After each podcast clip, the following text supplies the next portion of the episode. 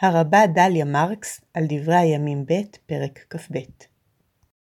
משימה לא פשוטה עומדת לפניי היום, לנסות להגיש כתב הגנה, גם אם מהוסס, גם אם ניסיוני, על הדמות היחידה שהתנ"ך מכנה מרשעת.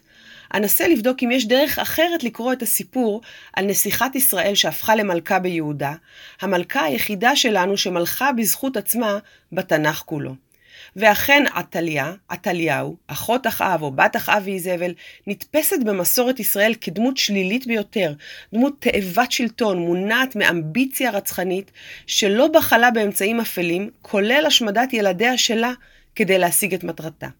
בנה אחזיה עלה לשלטון, אבל נרצח על ידי יהוא אחרי שנה אחת בלבד, ואז נאמר, עתליהו אם אחזיהו, ראתה כי מת בנה, ותקום, ותדבר את כל זרע הממלכה לבית יהודה. תדבר מלשון הדברה, מלשון כיליון גמור. במקבילה במלכים נאמר הדבר בשפה פשוטה יותר, ותאבד את כל זרע הממלכה. וכל זה למה? כל הרצחנות הזאת לשם מה? כדי למלוך. באמת תמונת זוועה, איך אפשר להעלות על הדעת רצחנות כזאת של משפחתה שלה, של פרי בטנה, של ילדיה, לשם שלטון? ואכן נאמר, ועתליה מולכת על הארץ. מסתבר שלא את כל צאצאיה הרגה עתליה. כמו במיטב סיפורי המתח, תינוק אחד ניצל.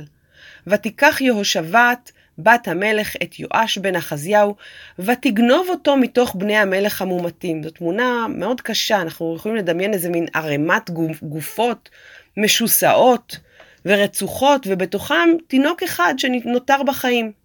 ובאה יהושבת, אחותו, ומצילה אותו ומחביאה אותו שש שנים. לפי מסורת חז"ל, היא החביאה אותו בתוך בית המקדש.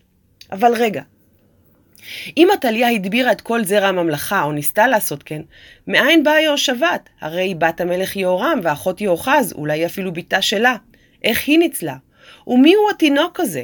הרי עוד קודם מסופר שיהורם, מלך יהודה, הרג את כל אחיו בחרב, כאשר הוא התמלך, כאשר הוא הפך למלך. מאין צצו עוד צאצאים? ובעל ספר דברים מוסיף, הוא מספר שילדי יהורם ועתליה נהרגו בידי פושטים ערבים ופלישתים, ומהם נותר רק אחזיה, שאותו, כפי שראינו, רצח יהוא אחרי שמלך רק שנה אחת, ועימו את כל שאר אחיו. אז את מי רצחה עתליה?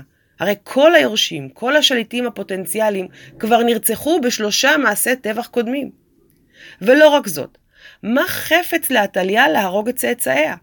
הרי מה שמקנה למלך את סמכותו הוא בין היתר קיומו של יורש עצר ראוי. תשאלו את הנרי השמיני. מה היה יכול להיות האינטרס של עתליה להשמיד את מי שימשיך אותה? בעיקר אם מדובר בתינוק קטן שאינו מאיים על מלכותה, ואדרבה יכול לייצב אותה.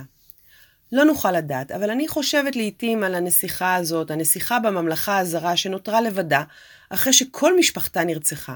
גם משפחה, המשפחה שממנה באה, משפחת אחאב, וגם המשפחה שאליה נישאה. ובתוך כל הזרות והאימה הזאת, היא מצליחה למלוך שש שנים.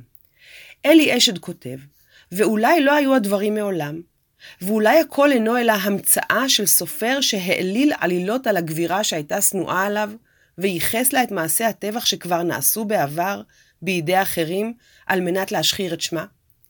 לי נראה סביר יותר, אומר אשד, שהיא לא רצחה אף אחד מבני משפחתה. אכן לא ידוע לנו דבר על שש שנות מלכותה של עתליה.